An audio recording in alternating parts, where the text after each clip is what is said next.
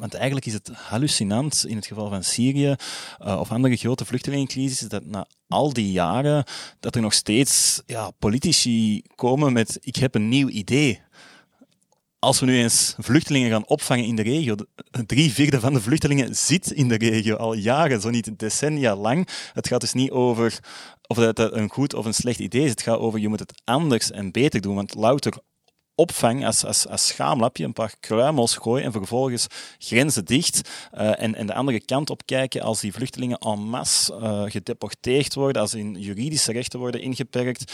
Ja, dat is, dat is een, een recept voor, voor een falend beleid.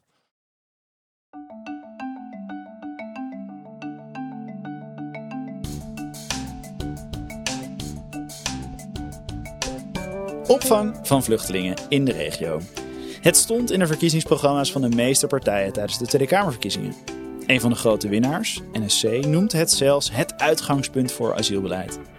En ook GroenLinks PvdA willen perspectief in de regio, zodat vluchtelingen niet te oversteken naar Europa waren. Maar hoe staat het nu met die opvang in de regio?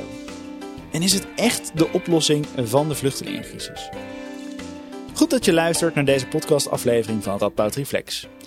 Ik ben Adriaan Duivenman, programmamaker bij Radboud Reflex en ik ga met drie experts in gesprek over vluchtelingen in Syrië, Libanon, Turkije en Europa. Deze sprekers zijn uh, universitair docent conflictstudies uh, Nora Stel en zij doet aan de Radboud Universiteit onderzoek naar vluchtelingenbeleid in Libanon. De tweede is hoogleraar migratierecht Tineke Strik, ook aan de Radboud Universiteit. En zij is daarnaast ook Europarlementariër namens GroenLinks. En dan tot slot Willem Staes. Hij is schrijver, Midden-Oostenkenner en hij schreef het boek Niemands Land, onlangs gepubliceerd. Dat is gebaseerd op de negen reizen die hij in de regio maakte van 2021 tot en met 2023. Daarnaast werkt hij voor de Belgische organisatie 111111 in het Midden-Oosten. Um, ja, beginnen bij jou Willem. Jij uh, schrijft in het boek Niemandsland dat vluchtelingen eigenlijk uh, uit, Syrië drie opties hebben. Um, waarvan één dus de regio is. Maar laten we eerst even die andere afgaan. Um, terugkeer naar, naar Syrië. Denemarken heeft Damascus nu veilig verklaard. Dus ja, ze kunnen toch gewoon terug? Ja, het korte antwoord is nee, het is daar nog steeds niet veilig, absoluut niet. En ja, Denemarken zegt inderdaad wel al sinds 2019 dat er, uh, ja, dat er bepaalde delen van Syrië veilig zouden zijn. Maar ja, dat is eigenlijk een fabeltje. En dat fabeltje dat Syrië veilig zou zijn, omdat er ja, even wat minder bommen vallen in bepaalde delen, bijvoorbeeld Damascus, de hoofdstad. Ja, dat is ook gebaseerd op foute informatie. Dus diezelfde rapporten waar dat de Deense asielinstanties zich op beroepen, zijn gebaseerd op interviews met experten die zich nadien ook uitdrukkelijk hebben uh, ja, de, handen afgetrokken van diezelfde rapporten. Hetzelfde vooral ook als je kijkt en, en gaat lezen naar uh, ja, internationale rapporten van UNHCR, dus het VN-vluchtelingenagentschap, maar ook je hebt een VN-onderzoekscommissie voor Syrië. Um, je hebt internationale mensenrechtenorganisaties zoals Human Rights Watch, Amnesty. En de boodschap daar is heel helder en heel duidelijk. Syrië is niet veilig voor terugkeer. Punt. En het feit dat uh, ja, dat er even geen bommen vallen, doet niks af aan het feit dat je als vluchteling, als individu, dat je eigenlijk nooit zeker bent dat je niet vervolgd kan worden. Want je moet, je moet weten, je zit daar nog altijd met een regime dat op industriële schaal mensen machtelt ah. en waar dat je eigenlijk gewoon dat, uh, ja, het, het, het, liken van een Facebook-post kan volstaan of, of afkomstig zijn uit een voormalig oppositiegebied kan volstaan om als terrorist in de band geslagen te worden. En, en wat gebeurt er met deze mensen als ze terugkeren? Ja, zoals je zegt, je hebt uh, in Syrië je hebt eigenlijk een, een, regime dat al, al meer dan 50 jaar aan de macht is. Eerst vader uh, Assad, nu Assad junior, uh, Bashar al-Assad. Um, en ja, een van de getuigen die ik ook spreek voor mijn boek beschrijft het eigenlijk heel treffend. dat is eigenlijk een regime dat gebaseerd is op een logica van een, van een ijzeren vuist. Van waar een, een koninkrijk van de stilte. je hebt in Syrië ook een gezegde, de, de muren hebben oren. dat vat het ook heel goed samen. Dus je hebt een Mukhabarat, de geheime dienst, die dan, waaronder nog verschillende ja, diensten resoneren, die dan eigenlijk ook allerlei verschillende lijsten hebben. Dus je kan zelf op één lijst geklikt zijn, maar dan op bij een ander checkpoint door een andere Mukhabarat-dienst worden opgepakt. Uh, en ja, in, in een machtelkamer van, van, uh, van het regime uh, verdwijnen. Het gekke is natuurlijk ook, Denemarken zegt wel... Tineke... Sorry, ja. Tineke Strik. Ehm, kijk, Denemarken trekt de verblijfsvergunningen in omdat terugkeer naar Syrië veilig zou zijn. Maar ze sturen mensen niet terug Omdat ze ook wel weten dat dat eigenlijk niet kan. Maar het gevolg is wel dat die mensen zonder verblijfstatus blijven. Ze worden gestuurd naar een, een plek waar ze eigenlijk vastgezet worden aan de grenzen van Denemarken. Dus um, ja, ze weten kennelijk dus wel dat het eigenlijk niet kan. Maar ze brengen mensen in een totale ja, limbo-situatie zonder enig perspectief. En, en is er een. Oh, ja, Nora. Nee, om, om, om dat even aan te vullen. Want de reden waarom ze mensen niet terugsturen vanuit Denemarken is omdat ze geen diplomatieke relaties hebben. Wat komt vanwege alle zaken die Willem net opnoemt. Dus het is heel een hele circulaire logica. En Syrische vluchtelingen weten dit zelf ontzettend goed. Hè. De VN uh, uh, heeft elk jaar opnieuw een survey waarin gekeken wordt wat willen vluchtelingen zelf eigenlijk. Um, en keer op keer is overduidelijk hoe ellendig de situatie in die gastlanden ook is. Ze willen niet terug, want de veiligheidssituatie um, laat het absoluut niet toe. En dat kunnen zij natuurlijk als geen ander inschatten door de, door de, de netwerken die ze hebben, de familie, de contacten in Syrië. Um, dus daar is geen sprake van. Tineke, is er ook een soort van juridische definitie in Europa van wat dan veilig is en wat is onveilig? Nou ja, we hebben. Um, um, er zijn definities afgesproken van wie is een vluchteling. Uh, of wie is subsidiair beschermde, noemen we dat. Dus wie, uh, wie kan niet terug omdat dat in strijd zou zijn met het Europees Verdrag voor de Rechten van de Mens. Um, en dan wordt wel degelijk ook uh, ja, aan de hand van bepaalde criteria gekeken. Um, een vluchtelingenverdrag bijvoorbeeld bepaalt dat als jou, jij vervolging te vrezen hebt op individuele gronden, vanwege je politieke achtergrond, je kleur, uh, et cetera, dan kan je niet terug. Maar het Europees Verdrag voor de Rechten van de Mens uh, heeft wat ruimere criteria. Daar is het gewoon als jou daar een onmenselijke behandeling te wachten staat, of een vernederende behandeling, disproportionele bestraffing, um, ja, dan heb je bescherming nodig. Dan kan je niet terug. En een deel van, van deze mensen uh, vluchten ook naar Europa. Hoe, hoe kom je Europa überhaupt legaal binnen? Wat, hoe, ja, er is eigenlijk maar één manier voor. Want kijk, eh, voor, voor studie, arbeid, gezinshereniging kun je een visum aanvragen bij de ambassade. Dat kunnen vluchtelingen niet. Uh, het enige wat ze kunnen proberen is bij UNHCR, de VN-organisatie voor vluchtelingen, die in veel kampen in de regio mensen uh, zeg maar um, ja, beoordeelt op of ze vluchteling zijn of niet, daar op de wachtlijst terecht te komen en dan af te wachten tot een van de westerse rijke landen bereid is om mensen uit te nodigen van die lijst. Uh, maar dat betekent sowieso een wachttermijn van jaren. Want we, ja, er zijn, zijn wel miljoenen mensen die willen graag uitgenodigd worden. Maar uh, het aantal uitnodigingen dat westerse landen doen, is echt heel erg miniem. En, en hoe komen dan de meeste Syrische vluchtelingen wel Europa binnen? Ja, als, ze niet tot die gelukkigen behoren dat ze mogen komen, dan is de enige manier, als ze niet veilig zijn op de plek waar ze zijn, uh, om uh, een mensensmokkelaar in de arm te nemen. Want je kunt niet zomaar proberen, bijvoorbeeld ook niet op een vliegtuig te stappen of op een schip, omdat zo'n vervoerdersmaatschappij ook fors beboet wordt als die mensen zonder papieren meeneemt. Ehm, de, alle landsgrenzen zijn inmiddels ja, bijna hermetisch gesloten door hekken en dergelijke. Dus het wordt eigenlijk steeds gevaarlijker en moeilijker om in je eentje zo'n reis uh, uh, door te lopen. Dus ze zijn eigenlijk steeds afhankelijker gemaakt van mensensmokkelaars, die het ook niet altijd goed met hen voor hebben. Uh, maar daar betalen ze veel geld voor en die proberen ze dan door de verschillende, ook vaak gevaarlijke landen heen te loodsen. Ja, ik had een Libanese collega die het uh, beschreef als de Hunger Games, het Hunger Games beleid. Je hebt het recht wel, um, maar we maken het je onmogelijk om het te kunnen aanvragen. En dat, dat stond daar zo bekend. Ja, ja maar dat is inderdaad precies het punt. Want op het moment dat het jou wel lukt om die zeskamp te doorlopen Word je beloond, en op het grondgebied te komen, dan heb je allerlei rechten. Maar niet om het te komen. Maar vooral ook misschien nog in aanvulling daarop. Het is een heel exclusieve Hunger Games. Ook als je gaat kijken naar die aantallen van uh, mensen die hervestigd worden. Uh, en je gaat bijvoorbeeld inzoomen op één groep Syrische vluchtelingen in Turkije. Uh, herinner u de EU-Turkije-deal uit 2016? Dus we spreken van acht jaar geleden. Er zijn sindsdien, sinds 2016, 40.000 Syrische vluchtelingen uit Turkije hervestigd. Dat zijn er om en bij 5.000 per jaar over heel Europa. Terwijl dat alleen al voor 2024 UNHCR, de VN Vluchtelingenorganisatie, zegt dat er meer dan 280.000 Syriërs uit Turkije in aanmerking komen voor hervestiging. Dus die, aantallen zijn totaal ontoereikend, wat ook de, de politieke retoriek daar ook over is. Ja, ja want UNHCR becijfert eigenlijk steeds, die zeggen vaak van Um, in ieder geval 10% ongeveer van de vluchtelingen in de regio's zijn te kwetsbaar om hier te blijven. Hebben eigenlijk meer zorg nodig. Dus UNHCR zegt vaak: nodig dan in ieder geval die mensen uit. dan, dan heb je al een soort van solidariteit. En dan zorg je dat deze mensen niet onder een niveau terechtkomen. Maar inderdaad, dat gebeurt niet. En, en de mensen die illegaal uh, Europa binnenkomen, maar dan dus wel die rechten uiteindelijk krijgen. Wat, wat voor groep is dat eigenlijk? Waarin verschillen zij tot met, uh, in vergelijking met de groep die achter blijft.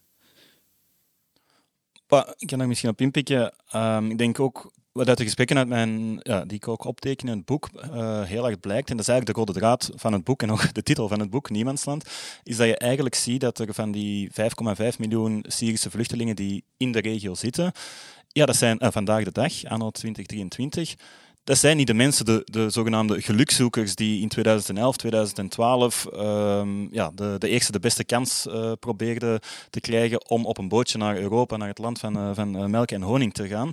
Dan zouden ze dat gedaan hebben. Dat zijn mensen die al meer dan 12 jaar um, ja, in de regio zitten, die dus duidelijk niet hun primaire keuze was om naar Europa te komen. Maar wat je de afgelopen jaren ziet, en dat is dus die, die these in het boek Niemandsland, is dat eigenlijk elk perspectief op een oplossing. Dus veilige terugkeer, bescherming in de regio, in, in, in landen als Turkije, in Libanon, of legale migratie via hervestiging of andere kanalen. Ja, als die één voor één worden afgesneden na al die jaren en, en de situatie is zo dramatisch, zo uitzichtloos, ja, dan moet je natuurlijk geen rocket science gestudeerd hebben om te, om te voorspellen ja, dat, dat mensen altijd een uitweg zullen zoeken. En dat zijn nu dus die mensen die, die, die wouden in de regio blijven of die wilden teruggeven, maar dat gaat niet. Het gaat niet. En ze kunnen ook niet op legale manier komen. Dus ja, dan rest er maar één optie helaas. En dat is uw lot in de, in de handen van een malafide mensensmokkelaar leggen.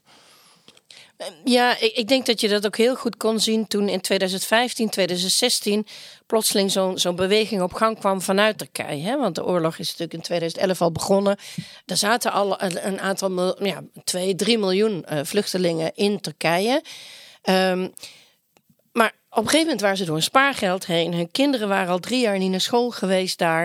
Uh, het, het, uitzicht op terugkeer uh, ja, was eigenlijk nagenoeg weg.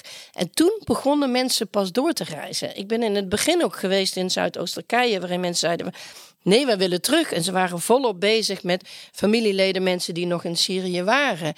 En als dat perspectief verdwijnt en je kunt geen toekomst opbouwen in, in, in een land als Turkije, ja, dan zoek je naar mogelijkheden. En dan zullen dat vast vooral de mensen zijn die nog wat geld over hadden om zo'n mensensmokkelaar te betalen. Uh, maar het, het begint met een gebrek aan perspectief. En dat is ook waardoor je nu inderdaad, je, noemde Denemarken, waar die, die focus op terugkeer is, is, is dus gro ja, grotendeels wensdenken. Want we hebben al aangegeven, er kan eigenlijk geen sprake van zijn. Maar die andere twee uh, durable solutions, uh, die raakt dus uit, verder uit zich. Want, want Europa heeft geen, geen trek in vluchtelingen. Niet via legale hervestiging, niet op andere manieren. Die regionale gaslanden um, zijn er ook klaar mee. Dus, dus er is wel, er is bijna ook een gedeeld belang van die regionale gaslanden en van Europese landen om het maar de hele tijd over die terugkeer te gaan hebben. En dat is een risico, want dan, dan, dan krijg je toch een soort van zichzelf vervindende profetie losstaan van de realiteit, die elke keer opnieuw weer geboekstaafd wordt. Uh, rapporten genoeg.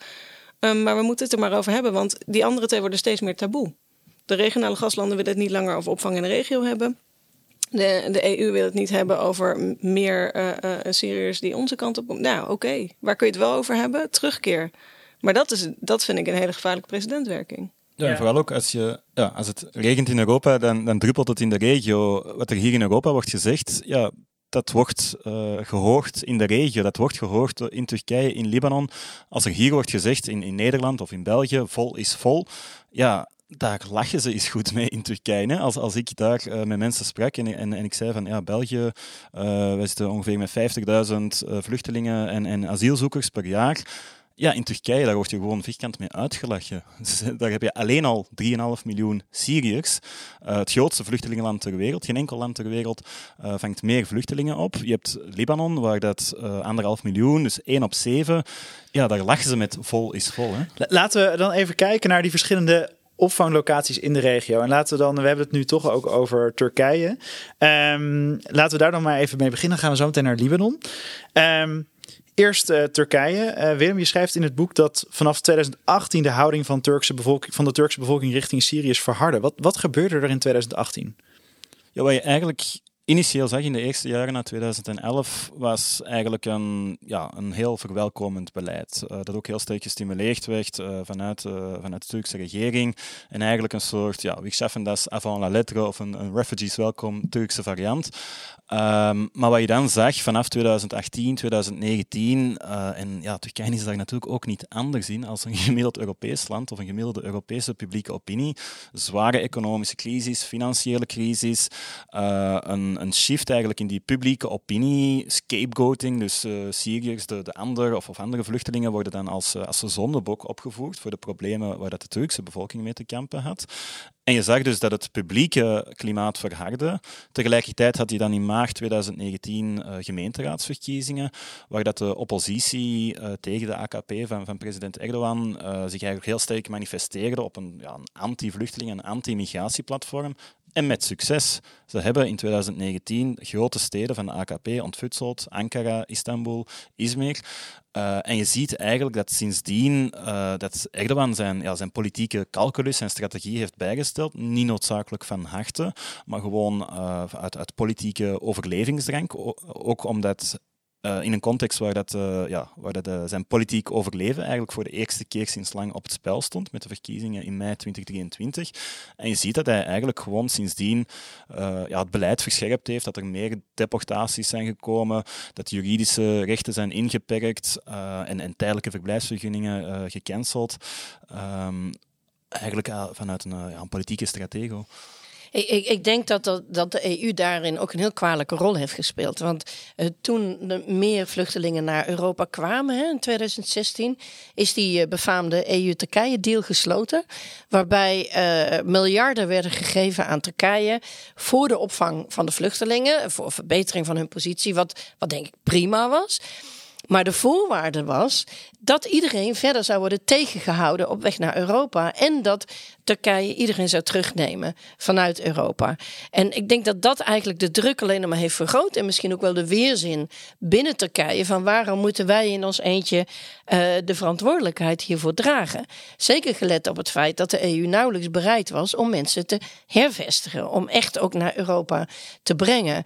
En sindsdien zie je dus ook dat de Europese Unie heel stil blijft waar het gaat over het afkalven van die rechten van Syrische vluchtelingen en de dreiging van Erdogan om mensen terug te sturen naar, uh, naar Syrië. Ja, want Turkije is toch gewoon lid van het Europese Hof van de Rechten van de Mensen. Kan die niet nu hierin ingrijpen?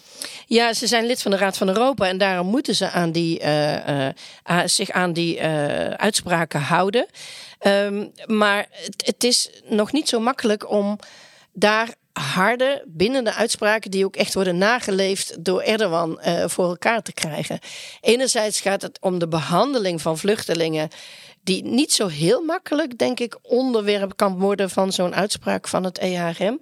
Uh, wel waar het gaat over deportatie natuurlijk. En daar is het lastige dat. Um, dat dat vrij geraffineerd gaat. Het zal niet heel duidelijk worden gezegd van wij gaan nu mensen gedwongen deporteren. Het wordt vaak met het label vrijwillige terugkeer gedaan. He, mensen worden vaak ook gedwongen om een handtekening te zetten dat ze vrijwillig terugkeren. Um, maar goed, hoe openlijker het gebeurt, hoe meer dat natuurlijk wel een ingang zou kunnen zijn om, uh, om dat tegen te houden. Ja, nou dat is dus de situatie in Turkije. Laten we dan doorgaan naar Libanon, het andere buurland. Uh, ook enorm veel Syrische vluchtelingen daar. Nora, hoe, hoe, kijken de Libanezen tegen de Syrische vluchtelingen aan?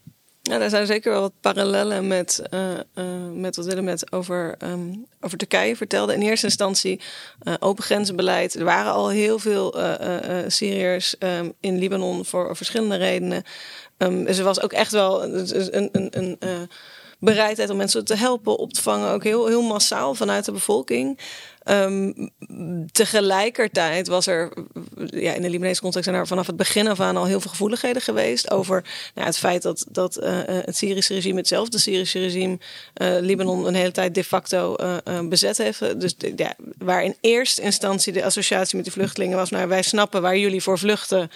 En die solidariteit was dat, dat er zat ook altijd al een element in van nou ja, de, de grote hoeveelheid de Syrië voelt als een soort van nieuwe um, bezetting. Zo wordt het steeds meer geframed. Um, vanaf het begin was er ook een traumatische ervaring met de Palestijnse vluchtelingengemeenschap in, in, Libanon, die volgens veel Libanezen een, hele kwalijke rol in de, in de Libanese burgeroorlog had gespeeld. Dus dat was ook heel erg een, een referentiekader van, nou, daar moeten we voor oppassen. We moeten zorgen dat we niet een soort tweede staat binnen de staat krijgen van vluchtelingen, die hun eigen regionale oorlog vanaf ons grondgebied gaan uitvechten. Dus dat, dat veiligheidselement speelde heel erg mee.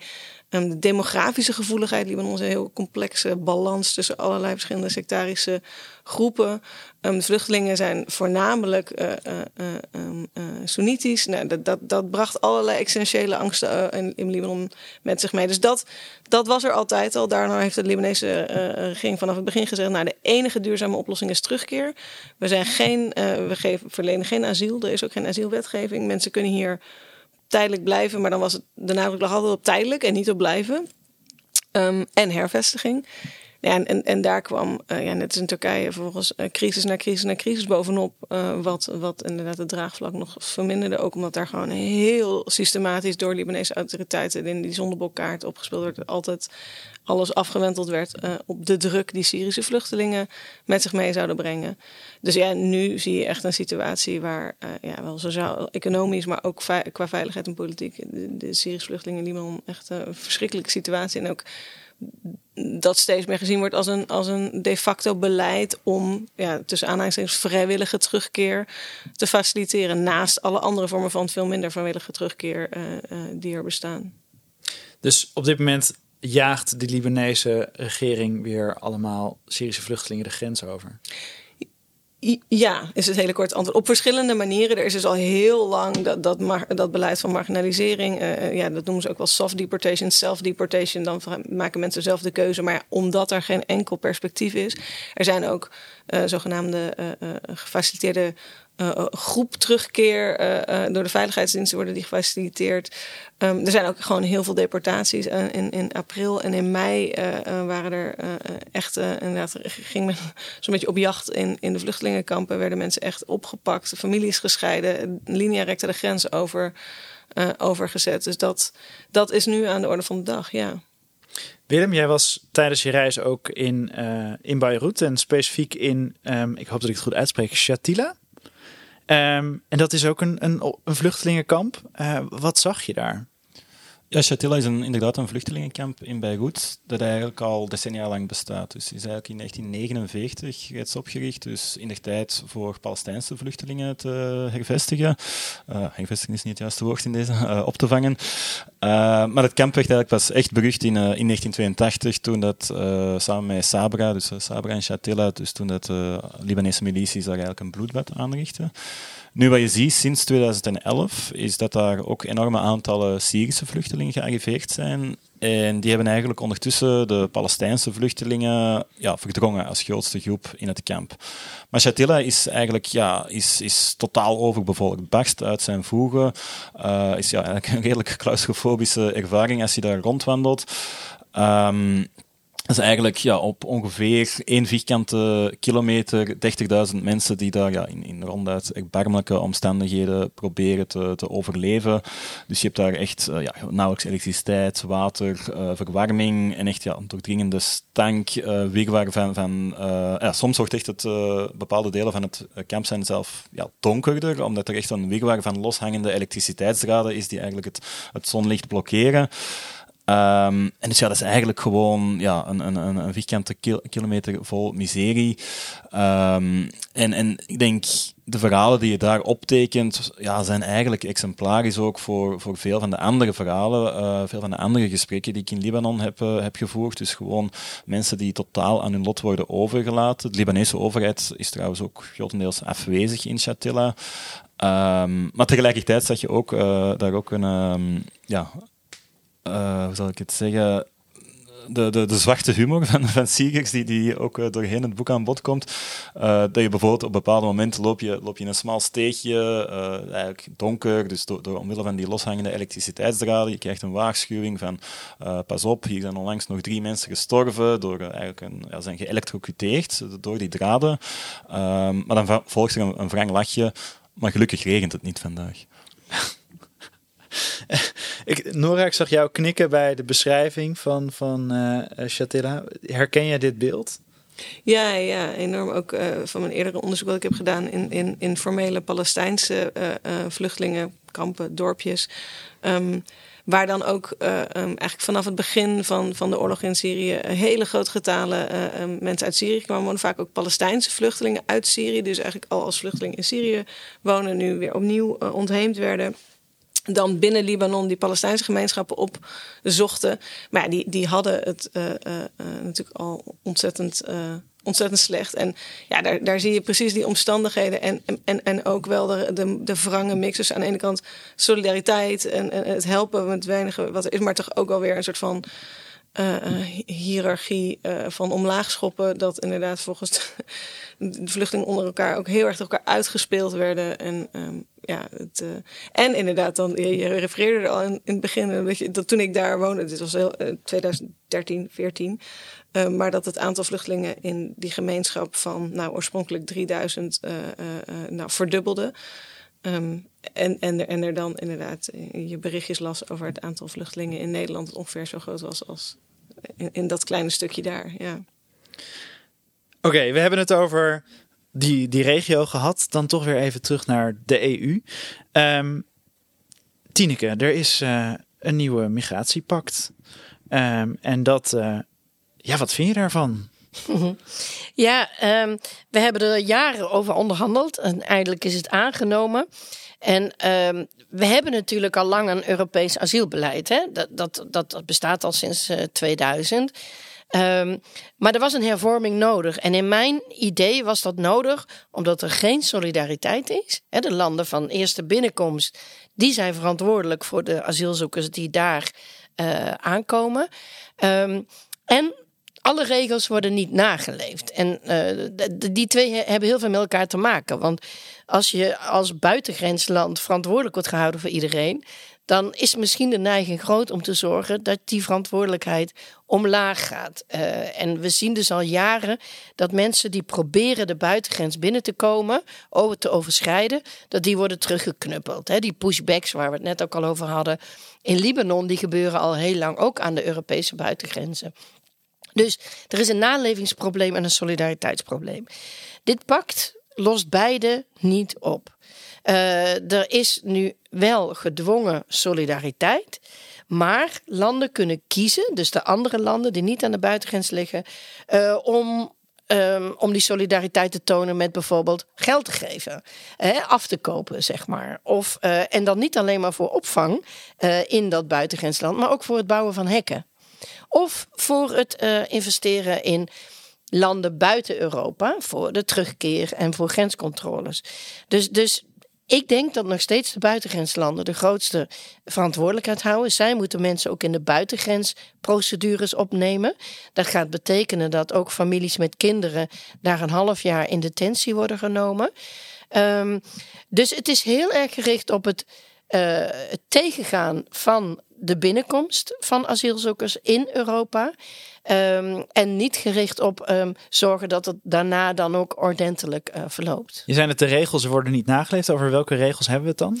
Uh, vooral de regel dat je uh, als je bescherming wilt, dat je dan toegang krijgt tot een asielprocedure. Dat is eigenlijk de meest basale regel van het vluchtelingenrecht. Uh, en dat betekent dat als jij op de grens zou worden aangehouden door een grenswacht en je zegt, maar ik wil, ik heb bescherming nodig, dat die jou dan moet leiden naar een nou ja, asielzoekerscentrum of een plek waar je, waar je dat dan ook kan doen en, en dat dat behandeld wordt. Nou ja, dat, dat wordt steeds moeilijker voor mensen om, dat, uh, om dat, die fase te bereiken. En dit pact uh, ja, draagt daar niet aan bij om dat te garanderen. Nora, je hebt het in je artikelen heb je het over institutionalized ambiguity um, uh, van de EU in de vluchtelingencrisis. Is dit een voorbeeld daarvan? En wat betekent het eigenlijk? Dat is misschien weer. Laten we daarbij beginnen. Uh, niet per se. Ik wil nog eerst heel even inhaken wat, wat, wat um, Tineke zei. Want dit nieuwe pact gaat dus eigenlijk niet over het externe migratiebeleid van de EU. Maar vergis je niet, daar heeft het wel degelijk ook een grote invloed op. Want Willem zei het net al, die landen kijken naar elkaar. En je, je haalde Denemarken aan. Maar we horen nu ook Cyprus zeggen, we, de EU moet in, in, in Syrië uh, inderdaad safe zones, uh, veilige gebieden aanwijzen. Um, ja, de, de, de praktijk van pushbacks, waar Tineke het over landen als Libanon um, verwijzen daarnaar om hun eigen beleid, uh, wat dus tegen alle internationaal recht, mensenrechten, vluchtelingenrecht indruist, um, te legitimeren. En natuurlijk om, om ja, wat er nog over is van minimale uh, morele uh, leverage die, die diplomaten hebben, om hen de mond te snoeren. Je kan, je kan als, als Europese vertegenwoordiger in, in Libanon eigenlijk ook niks meer zeggen over wat er allemaal gebeurt. Um, als, als, als, je, als je kijkt wat Europa zelf doet en, en als je kijkt wat, wat bepaalde landen eh, zeggen over terugkeer. Uh, dus eh, ook al hebben we het er niet over, de, die implicaties zijn echt niet alleen voor die paar mensen die het lukt om naar Europa te komen. Die implicaties zijn ook voor die miljoenen mensen die dus in de regio zitten. En als ik heel even mag aanvullen voordat jij de vraag moet beantwoorden van Willem, is uh, er is ook nog een rechtstreekse link. Want de landen aan de buitengrenzen in Europa worden nu eigenlijk nog meer verantwoordelijk gehouden. Um, en dat doen ze alleen maar als ze garanties krijgen dat het aantal uh, asielzoekers omlaag gaat. Dus het is echt uh, heel bewust dat toen de raadspositie hierop werd gesloten in juni, vier dagen later Rutte, Meloni naar Tunesië gingen om die deal met Tunesië te sluiten. Um, dus bij gebrek aan solidariteit binnen Europa uh, worden er heel veel beloftes gedaan en geïnvesteerd in deals met landen buiten Europa om te zorgen dat wij het hier kunnen behappen. Ja, die pushbacks waar Tineke het over heeft, ja, die zijn natuurlijk volstrekt illegaal onder internationaal recht. En ja, ik heb ook zelf ja, tal van, van die verhalen opgetekend van mensen die, die uh, door Cyprus gepushbacked werden, door Griekenland, uh, door andere landen. Um, en vooral aan de Turk-Griekse landgrens bijvoorbeeld, uh, in Edirne, daar heb je echt ja, schrijnende verhalen van mensen die, die, die tientallen keren gepushbacked worden, die, die vaak ook, ja, dat is, je verzint het zo gek niet, van, van verhalen waar de Griekse ja, grenswachters, vaak ook met de hulp van Frontex, dus met Europese middelen, ja, mensen gewoon vasthouden in, in, een soort black sites, in, in geheime detentiecentra, dat is ook door de New York Times en anderen gedocumenteerd, en, en waar dat echt, ja, um, ja menselijk cynisme echt nieuwe dieptepunten bereikt. En eigenlijk die Europese waarden echt op de bodem van die, van die rivier belanden. Dus waar je echt mensen hebt, of de Griekse grenswacht, die, die vluchtelingen dwingt om andere vluchtelingen uh, te pushbacken in ruil dan dat ze mogen blijven of dat ze de spullen mogen overhouden. Ja, dus het, is gewoon, ja, eigenlijk, ja, je kan er weinig andere woorden voor bedenken dan, dan gruwelijk, cynisch. En dan zie je dat dat pact daar inderdaad absoluut geen oplossingen voor biedt. Want er is heel lang sprake geweest van een soort monitoringsmechanisme voor mensenrechten schendingen uh, te documenteren, te monitoren aan de Europese buitengrenzen. Dus ja, die pushbacks op kop natuurlijk. En wat komt er nu uit? Ja, we gaan een monitoringsmechanisme light, maar we gaan het, niet aan de, of we gaan het vooral niet te veel aan de grens inzetten. Ja, als het niet zo droevig zou zijn, zou je er gewoon eens luid mee moeten lachen, natuurlijk. Ja, um, nog, ja, nog heel even, want, want die, die, um, die relaties tussen wat er, wat er hier in de Europese arena gebeurt en dus de opvang in de regio-realiteit waar we het over hebben, um, daar wordt dus ook, ook heel erg op ingespeeld dat, dat de, de, de, de, de toenemende gedwongen terugkeer vanuit regionale gaslanden dus ook op die manier. Um, achter de schermen uiteraard verkocht wordt. Uh, of Europa tot een soort van stilzwijgen. Het is dat of, of, of, of ze komen die kant op. En dat zie je ook. Daarin wordt Europa ook tegen elkaar uitgespeeld. Libanese autoriteiten, um, die natuurlijk um, dan anoniem spreek, die zeggen ook: ja, weet je, eh, onze zuidelijke, uh, onze mediterrane broeders in de EU, die snappen ons wel. Die vinden dat prima. Die zijn veel makkelijker met het wegkijken van, uh, um, van, van terugkeer.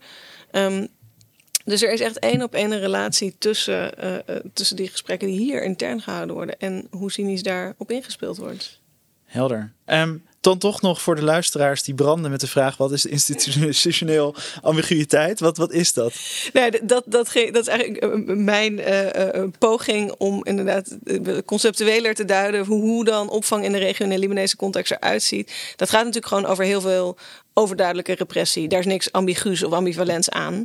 Maar een heel groot deel van, van wat het uh, leven voor Syriërs in, in Libanon zo ondraaglijk maakt, is ook wat ik dan institutionele ambiguïteit heb genoemd. Het feit dat mensen bewust informeel worden gehouden, uh, dat er, dat er geen, geen beleid gemaakt wordt, of uh, heel vaag beleid, waardoor mensen geen juridische status hebben, geen verblijfsstatus hebben, geen toegang hebben tot, tot, tot werk, tot middelen.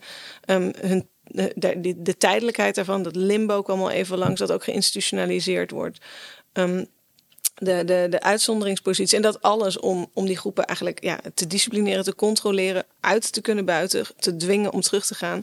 En wat me toen der tijd inderdaad uh, uh, um, um, uh, altijd al een beetje stak, is als ik dat verhaal dan vertelde, dat ik heel vaak de reactie kreeg: Oh ja, dat, dat is wel typisch Libanees, denk ik. Ja, zo'n falende staat en zo. Um, en dat was voor mij een reden om, om, om, als vervolg op dat boek een soort van uh, artikel te schrijven. waarin ik laat zien van nou, dit, is, dit is een heel universeel uh, mechanisme. wat ook uh, Europa zelf.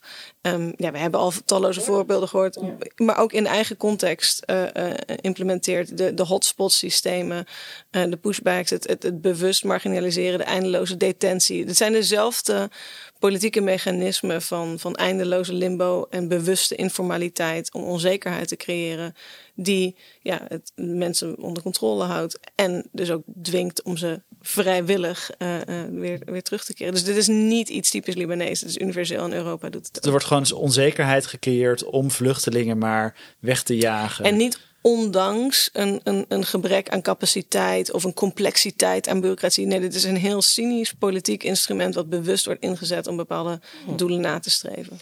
Uh, eigenlijk is, is alles zeg maar gericht op afschrijven, hè? die verantwoordelijkheid ergens anders leggen. En uh, de VN heeft geprobeerd, juist vijf jaar geleden, om daar een eind aan te maken.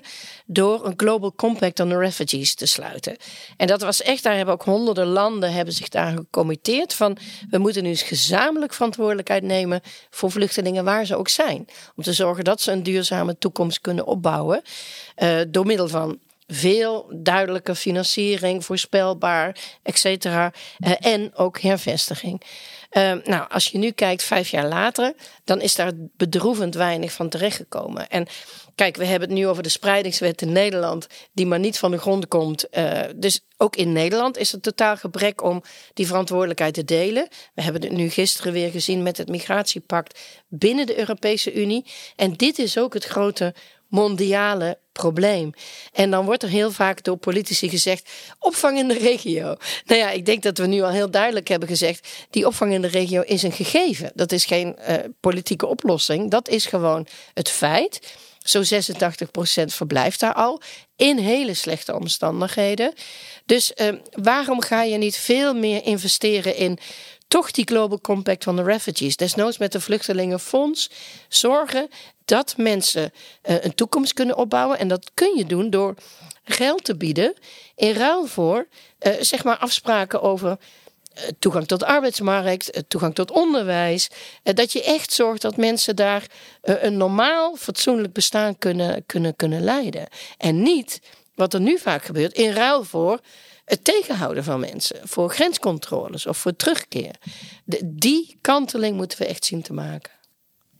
En, en daar, daar, daar sta ik helemaal achter. Maar daar, daarop inhaken denk ik dat we dus ook wel iets explicieter of reëler kunnen zijn in, in, in het feit dat dit, uh, uh, dit, ook geen, dat dit ook een opgelegde realiteit is. Zowel voor veel vluchtelingen um, als voor die regionale gastlanden. Er wordt natuurlijk ook vaak verkocht als hè, dit, dit willen vluchtelingen zelf. Dit is voor hen fijner, dichter bij huis, snellere terugkeer, culturele affiniteit.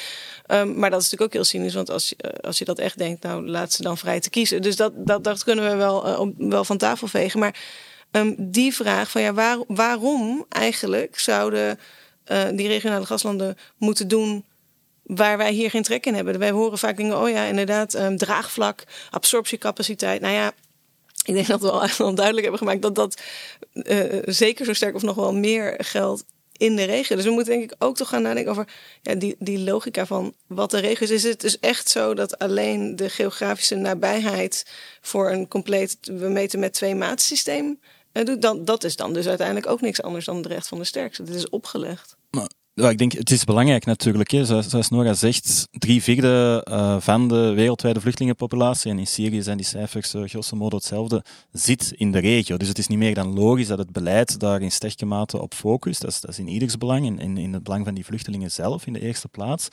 Maar wat mij wel stoort natuurlijk, is dat heel dat idee van dat model, het zogenaamde model van opvang in de regio, ja, dat bestaat niet. Dat is, een luchtkasteel. Dat, dat, is echt een, een fata morgana die heel veel politici in Nederland, in België, in, in andere landen hopen te zien, maar, maar dat in werkelijkheid niet bestaat.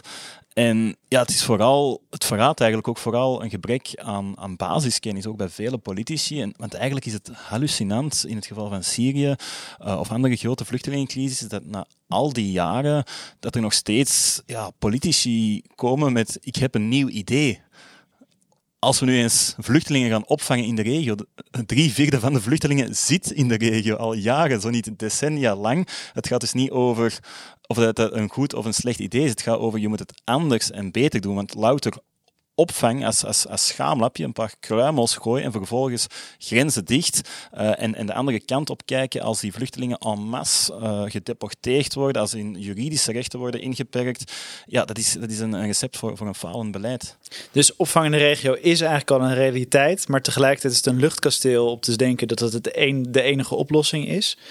Um, en door middel van geld en uh, zorgen voor werkgelegenheid, et cetera, zouden we deze mensen kunnen helpen. Zeker, maar ook door ook een deel van die vluchtelingen ook zelf uh, over te nemen uh, en uit te nodigen. Want precies wat, wat Nora ook zei, Anders ben je je geloofwaardigheid ook kwijt. Hoe kun je aan andere landen vragen om vooral uh, alle mensen op te vangen terwijl je zelf laat zien, uh, not in my backyard. Dat, je, dat werkt niet. Je moet echt uh, hier beginnen met de hervestiging, maar ook met het, het, het, het, naleven wat je belooft. Het houden aan de afspraken die je hebt gemaakt. Want pas dan kun je regionale gastlanden daarop aanspreken. En dat is waar de meeste vluchtelingen zitten. Dus als je die mensen daar wil helpen, zal je de autoriteiten daar aansprakelijk moeten houden. En dat kan je alleen doen als je, als je dat zelf uh, ook doet. Het zijn ook het zijn communicerende vaten. Het is, het is geen uh, of-of verhaal, maar, maar een en-en verhaal. Je moet en investeren in betere, kwaliteitsvollere bescherming in de regio. Dus wat verder gaat dan, dan louter financiële ondersteuning. Dat is belangrijk. Ook, is een, de, de donorbudgetten dalen, dus die moeten ook omhoog, voor alle duidelijkheid. Maar daar stopt het niet. Maar tegelijkertijd moet je ook je, je fair share doen op het vlak van, van hervestiging. Uh, en dat zijn communicerende fouten, want als je, als je dat niet doet, ik verwees daar straks al naar het voorbeeld van, van uh, Syrische vluchtelingen in Turkije. Als je als Europa zijnde 5000 Syrische vluchtelingen per jaar overneemt in een land waar dat 3,5 miljoen Syrische vluchtelingen zitten, waar dat de politieke, de publieke teneur zich heeft gekeerd tegen die vluchtelingen. Ja, je gaat gewoon een groter deel van die vluchtelingen moeten hervestigen om, om eigenlijk de, ja, de situatie daar niet volledig uit de hand te laten lopen. Tineke, je bent naast natuurlijk uh, rechtsgeleerde ook politica. Um, hoe, in de, alle, alle uh, verkiezingscampagnes kwam die, die, op, die opvang in de regio terug. Uh, politie wil het nog steeds. De Nederlandse burger lijkt nog steeds te, te willen. Hoe creëer je draagvlak voor het opnemen van meer vluchtelingen? Ja, dat is, dat is de uh, million dollar question op dit moment natuurlijk. Want je ziet dat rechts, extreem rechts, juist heel erg profiteert van heel bewuste retoriek uh, over uh, het aantal migranten en vooral asielzoekers dat naar beneden moet. Dus er moet echt een kanteling ook plaatsvinden. Um, ik denk dat het heel belangrijk is. Kijk, waar we het nu over hebben, lijkt heel erg ver van mijn bedshow. Hè? Dat gebeurt allemaal elders. Dit boek, wat Willem heeft geschreven, is al een heel goed begin om mensen meer bewust te maken van wat, wat is het gevolg eigenlijk van wat wij doen en wat hebben wij te maken met het leed wat daar uh, wordt berokkend. Um, want ik denk nog steeds dat er heel veel draagvlak is, ook in Nederland, voor het opvangen van vluchtelingen. Uh, maar het is een enorme klus om door die retoriek heen te breken. Met de juiste gegevens, met de juiste informatie. En mensen weer, ja, zeg maar, te mobiliseren. Van hé, hey, het is geen natuurgegeven hè, dat we dit beleid nu hebben. Uh, het kan echt anders. En ik zou heel erg hopen dat de publieke opinie. Uh, ik weet dat er heel veel mensen zijn die, uh, ja, die heel veel verdriet hebben van welke kant het op gaat. Dat ze zich weer meer laten horen. En dat ze ook het gevoel hebben dat ze perspectief hebben in nou ja, acties te ondernemen, hun mening te laten horen. En ook politici verantwoordelijk te houden van. Ik wil niet dat dit in mijn naam gebeurt. Willem, met dit boek heb jij ook een interventie in dit debat gedaan. Uh, wat, is je, wat was je doel? Waarom heb je het geschreven? Ja, de centrale insteek van het boek was eigenlijk vooral om Syriërs over hun eigen land, hun eigen ervaringen te laten vertellen. Want al te, al te vaak wordt er eigenlijk over Syriërs gesproken, maar zelden of nooit met Syriërs. En dat zou logischerwijs nogthans ja, het logische startpunt van het debat moeten zijn.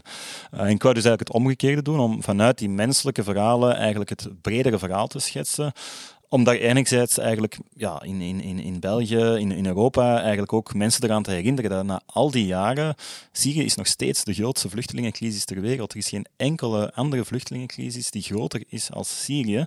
Maar het is tegelijkertijd wel een ja, een vergeten crisis geworden. En je merkt inderdaad die, die Syria-fatigue, die vermoeidheid, het gevoel ook van oh, het, is een, het is te complex, het is een te onomwarbaar uh, kluwen. En ja, het is natuurlijk geen eenvoudig conflict, dat ga je mij niet horen zeggen. Um, en ja, er zijn ook geen eenvoudige oplossingen voor. Maar wat ik hoop te bereiken met het boek is eigenlijk door ja, die, die, die mensen achter de gruwelijke statistieken, achter die, die anonieme data te laten zien, ja, dat mensen daardoor wel terug ja, een vorm van empathie kunnen tonen en, en opnieuw met, of met een hernieuwde aandacht uh, ja, naar Syrië gaan kijken en, en ook van hun beleidsmakers uh, verwachten dat er, uh, ja, dat er kordatere actie volgt. En nou ja, het, het boek is bevat heel veel intrigerende, of in, in, indringende scènes en ook interviews die uh, best wel aangrijpend zijn. Um, je toch, uh, laten we dan dit interview besluiten met ook iets waarmee jij boek besluit. Met toch ook iets van een positieve noot. Je hebt ook mensen gezien die je hoop gaven. Kun je ons voorstellen aan een van deze personen als afsluiter?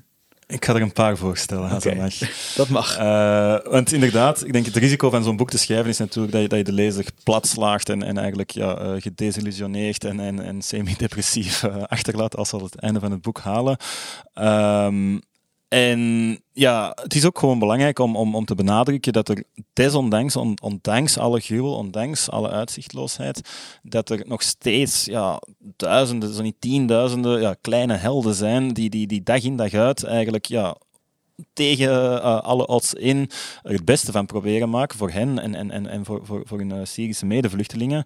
En je, je hebt mensen bijvoorbeeld, uh, ja, ik heb in, in, in, in Zuid-Turkije, aan de grens met Syrië, was ik ook vlak na de aardbevingen van februari 2023. Daar heb ik bijvoorbeeld gesproken met de Syrische, Syrische hulpverlener Farhan.